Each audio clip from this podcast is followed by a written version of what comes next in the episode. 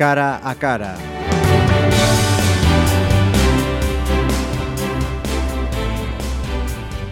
Saludos, arrancamos este cara a cara en una semana en el que eh, esta programación de Pontevedra Viva Radio se va a centrar especialmente en esa conmemoración, por llamar de alguna manera lo de conmemorar, del 25N, el Día contra la Violencia de Género.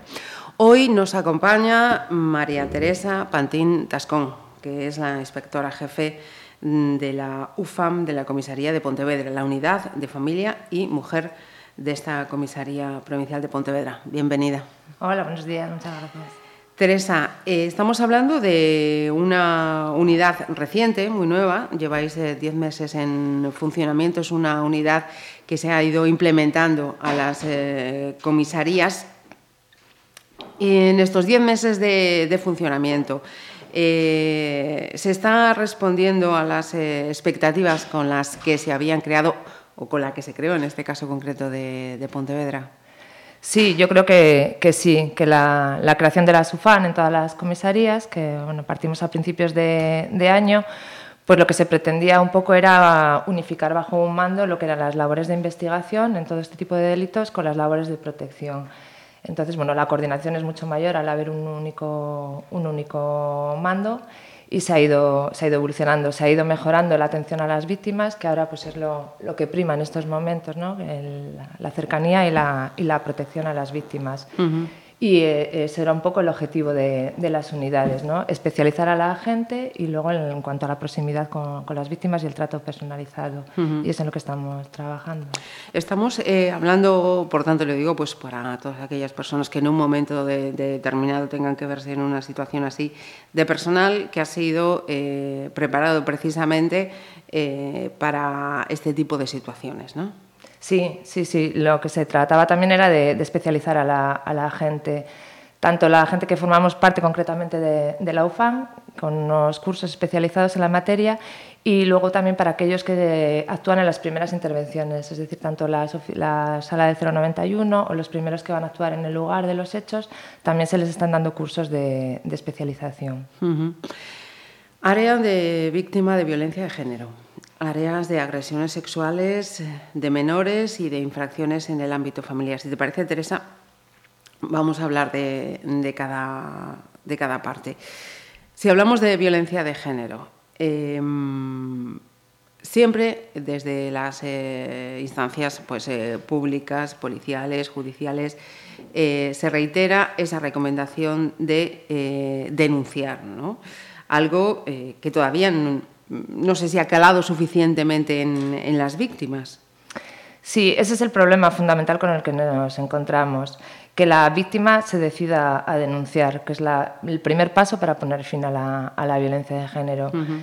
Eh, hay que tener en cuenta que la mayoría de las víctimas que denuncian y, tienen una orden de protección y tienen este seguimiento policial, pues en la mayoría de los casos eh, no ha habido, mm, en este año por ejemplo, no ha habido ninguno con resultado de muerte de estas víctimas y tampoco de una nueva agresión grave por parte de los, de los, autores. Entonces el primer paso es, es, es, la denuncia y es fundamental. Y que por parte de todas las instituciones que estamos involucradas en esta sensibilice a la gente para que, para que denuncie y que estas eh, mujeres reconozcan que son, que son víctimas, ¿no? Claro, claro. Es un trabajo que tenemos que hacer. Bueno, también pues está el Centro de Información a la Mujer, con los psicólogos y gente especializada, para que la víctima, porque muchos de estos casos están tan anuladas que ya se consideran causantes de, de lo que está ocurriendo. Entonces, bueno, hay que hacerlas ver que no, que eso no es así que ellas son víctimas de violencia de género, que tienen que denunciar y que a partir de ahí se va a poner en marcha todo un, procedimiento para protegerlas. Para protegerlas, acabas de decir mm, precisamente. ¿Cuáles son, eh, si es que vosotros lo, podéis detectar, cuáles son esos miedos? ¿La desprotección, el miedo al futuro o, el miedo al, agresor? Los miedos son, muchos. Primero que, enfrentarse a un procedimiento judicial que, bueno, pues que asusta en primer momento para gente que, no, que desconoce totalmente lo que le va a pasar. Entonces, bueno, en ese sentido le tratamos de informar de lo que va a pasar a partir de una denuncia.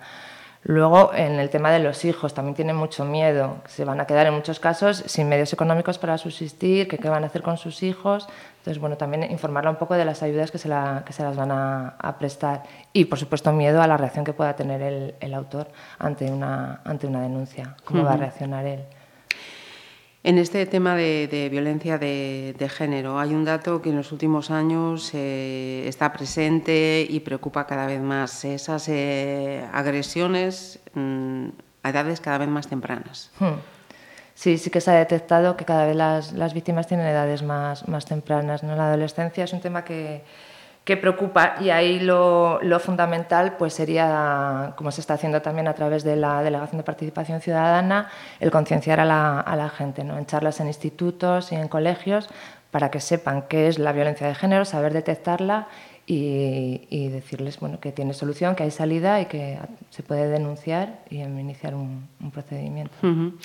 Porque mm, volviendo un poquito al, tema anterior, esos eh, miedos de las víctimas de, de violencia, Em, preocupa y, desde instancias judiciales incluso eh, hemos visto esa, queja de que eh, el agresor no está eh, completamente em, limitado para que se cumplan esas medidas que se imponen pues, cuando hay una sentencia de alejamiento, de, no acercarse a tantos metros ¿Qué, es lo que está fallando ahí? ¿Faltan medios? ¿Qué, es lo que, lo que ocurre? Hombre, no es, no es cuestión de, medios, lo que pasa que, bueno, que sí es cierto que, las, hay gente que, hay muchos autores que a partir de, que se inicie y se le impone la orden de alejamiento lo cumplen a rajatabla y otros pues que, que, quebrantan constantemente. Pero al tener una medida de protección lo que nos va a dar pie es a poder actuar con ese autor. Se le va a poder detener, va a volver a, pasar a disposición judicial y se van a poder agravar las medidas. Puestas anteriormente. Puestas anteriormente. Eh, lleváis también casos de, agresiones sexuales, ¿no? Em, desde San Fermín, que creo que ha sido el caso con, más impacto eh, mediático, eh, se están dando a conocer casos de agresión sexual en los que em, hay dos elementos, ¿no? Fiestas multitudinarias, alcohol y, vamos a decirlo suavemente, barra libre para el sexo, ¿no? Eh, ¿Estáis eh, detectando esas, esas eh, situaciones de, agresiones sexuales en esos contextos? Mm, no, aquí en Pontevedra no, no, hemos detectado ningún, ningún caso de estos. Sí que este verano pues, hubo varias hechos a nivel nacional, pero aquí en, en, Pontevedra concretamente no hemos detectado ningún hecho de este lo, cierto es que, que, sí sucede, ¿no? Hay Sí, sí, los, hombres, los hechos así, así lo demuestran, ¿no? Que, que eso, con un abuso de alcohol y parece que, que, todo vale en estas fiestas y pues volvemos a lo mismo, hay que concienciar y sensibilizar y que la mujer tenga muy claro lo que es no y si detecta algún hecho de estos, pues, pues denunciarlo y ponerlo en conocimiento. Porque la existencia de sustancias que se estén utilizando para, para este tipo de, de agresiones, eh, aquí hablábamos eh, fuera de, de, micro que aquí en Pontevedra nos eh, consta la famosa burundanga, ¿no? No, no, no sí que se ha oído, bueno, no en Pontevedra, sí que es una sustancia que se ha oído que, se utiliza, llegar a determinar, creo que mm, no sé si ha habido algún caso que se haya determinado exactamente que existe esta sustancia, pero bueno, sí que puede haber otras sustancias que anulen la voluntad, el alcohol, otras sustancias estupefacientes que puedan anular en un momento la voluntad de la, víctima. Menores, que supongo que será también una de las situaciones más, eh, más peliagudas a las que os enfrentéis en, vuestro eh, trabajo. Eh, estos días, precisamente en Pontevedra Viva, publicábamos el caso de varios menores que están siendo atendidos para que mm, esas situaciones de, violencia que ven en su entorno familiar no las vean con normalidad. Mm, en vuestro caso, en este trabajo que, realizáis, veis que efectivamente esos niños interiorizan esas situaciones como, algo, como algo eh, normal y, cómo se puede trabajar con, con esos pequeños desde la parte que os toca, claro. Claro, sí que, sí que es verdad que, para el niño las conductas son, son aprendidas generalmente y si ha visto episodios de violencia de género en casa, pues posiblemente ellos lo vean como normal y tiendan a repetir esas, esas conductas. Por eso es la importancia de poner fin a esas situaciones y que las familias se den cuenta de que no están haciendo ningún favor al niño manteniendo esa situación, que a veces es el miedo que tienen las víctimas, ¿no? ¿Qué voy a hacer con mi hijo? Pues también concienciar de que es mucho mejor poner fin a esa relación, así que el niño no vea esos episodios para, para evitar todas estas conductas posteriores y que el niño vea como una cosa normal que luego él mismo pueda incluso agredir a, su madre o a su padre porque lo ha visto, lo ha normalizado la situación. Entonces sí hay que, poner fin. Afortunadamente el caso contrario sí que han trascendido casos de, menores que son los que denuncian esa situación de, violencia en el, en el, ámbito familiar cuando sus madres no son, no son ni siquiera capaces de, hacerlo. Hmm, en algunos casos sí que son los hijos, o eh, muchas veces las mujeres se dan, o sea, deciden poner fin a esa situación cuando la violencia ya se excede y va también contra los hijos. Ese es un punto fundamental para que la mujer diga hasta aquí he llegado. Cuando en un principio igual la violencia iba solo contra ella, pero hay un episodio que la violencia también repercute a los hijos y es, es un punto de inflexión importante para las mujeres. Eh, cuando los menores son ese objeto directo de esa eh, violencia, ahora mismo eh, en esta sociedad en la que estamos son una población diana muy fácil teniendo en cuenta el acceso que tienen a las redes sociales y, a Internet. ¿no? no sé si en este ámbito habéis notado también datos que, puedan ser preocupantes. Sí, sí, evidentemente todos los jóvenes ahora tienen acceso a, las redes sociales y es una forma de, controlar a las chicas que antes no, no, existía, no estaba tan difundida y una forma pues, de, acosarlas y sobre todo de, control. Controlan las redes sociales, eh, tienen sus claves, acceden a todo y bueno, y con quién te has conectado, a qué hora te has conectado, con quién estás hablando y es una manera más de, control y que se utiliza, está muy extendido, sí, sí que hemos detectado. Y la este denuncia también me imagino que es un paso difícil, ¿no? Reconocer que estás metida en una situación así. Sí. Metida, metido. Sí, en estos casos, en casos de difusión de fotografías, de todos estos casos, pues claro, las menores muchas veces son reacias por no contar en casa lo que está, lo que está pasando. Y en algunas ocasiones, pues son los padres los que, controlando un poco los, con los las conexiones que tienen en los teléfonos y en los ordenadores han detectado este tipo de situaciones. Eh, en este caso, eh, ¿las denuncias suelen venir de parte de, los padres o, de estos menores? El, siempre tienen que venir acompañadas del padre. De los padres. Y vamos al ámbito familiar, que también es otra, otra en, la que, en la que trabajáis. Eh, esas agresiones, conductas violentas, ¿se han visto mm, inducidas de alguna manera por esta eh, situación en la que estamos. Mm, me explico. Eh, unos hijos eh, quedan sin trabajo, sin, ingresos, se hacen cargo de, esa, de, ese padre, de ese abuelo, para ser beneficiarios de, esos ingresos del mayor y eso genera unas situaciones pues, violentas son, son casos que se han, se han, puesto, no sé si vosotros también habéis detectado eso, que esa coyuntura en la que estamos también esté facilitando ese tipo de, de, infracciones o de situaciones violentas en el ámbito familiar. Hombre, está claro que la, que la coyuntura puede, puede incitar a ese tipo de, actuaciones, pues hijos que o adolescentes que no, no estudian o no, trabajan, eh, llevan pues el fracaso escolar, está claro que es un primer paso para para que luego el, niño no tenga un desarrollo normal y, tenga conductas de, este tipo. Sí. ¿Suelen ser eh, personas que responden a un tipo de, perfil en estos casos? No, no, nos hemos encontrado con todo tipo de, situaciones y, de clases sociales, en todo tipo. en este caso, ¿cómo se actúa, por ejemplo? Eh, pues eh, lo mismo. En este caso es complicado porque bueno, los padres eh, a la hora de denunciar a los hijos son bastante reacios y si denuncian, en la mayoría de los casos no van a querer seguir con el procedimiento. Se les puede poner una orden de protección del menor, lo que implica que, el, bueno, del menor no, en este caso serían mayores de edad, lo que implica que tendría que salir de casa y bueno, pues normalmente eso no lo van a aceptar los, los padres y se van a repetir los episodios de violencia en muchos casos. Y en los casos de menores que también se dan, bueno, es más, se puede decretar el, internamiento del menor en un centro. de, estas eh, perdón, cuatro áreas que hemos eh, tratado, víctimas de violencia de género, agresiones sexuales, menores, e infracciones en el ámbito familiar.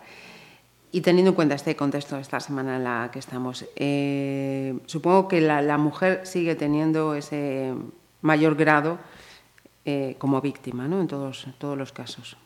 Sí, de, los, de todos los, los temas que, que, trabajamos, el que mayor incidencia tiene posiblemente sea el de la violencia de género, aunque también ha disminuido respecto al año pasado, también hemos detectado que ha disminuido el número de denuncias. Que no quiere decir que, no, exista, pero y que ahí entran pues eso, las campañas de sensibilización y de y, publicidad de, de, que esto, de que esto se sale y de que hay solución, pero, pero sí, yo creo que es el caso que más, que más trabajo. Sí que se... Ay, perdón.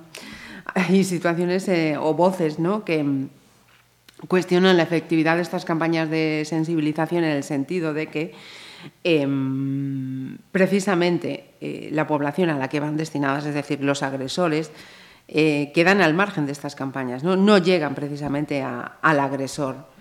Quizás sea ese un, error en el que estamos cayendo, que los medios o, esa línea de, incidencia no, está siendo la, correcta. Yo, por poner una pega a estas campañas de sensibilización, creo que se deberían de orientar, porque siempre son imágenes de víctimas y con golpes, con eso.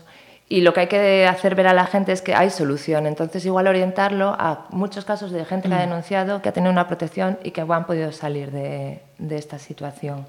Yo creo que, vamos, lo que les debería de llegar a las mujeres para que salgan de esa violencia y de ese círculo es ver que hay salida. Entonces, igual orientar las campañas publicitarias en ese sentido. Porque vosotros desde la UFAM, desde esta unidad, desde el momento en que tenéis eh, contacto con la víctima, eh, ¿hasta qué momento seguís eh, con, esta, con esta persona en el, trabajo que desarrolléis en la unidad? Pues em, en este sentido, bueno, como hemos ido evolucionando y las leyes han ido evolucionando, hay unas nuevas instrucciones en cuanto a las valoraciones de riesgo de, la, de las víctimas que aunque no tengan medidas judiciales, porque en un momento dado no se las haya dado por la razón que sea, se las sigue con la protección hasta que consideramos que ha desaparecido el, riesgo. Pero la protección va, va a continuar.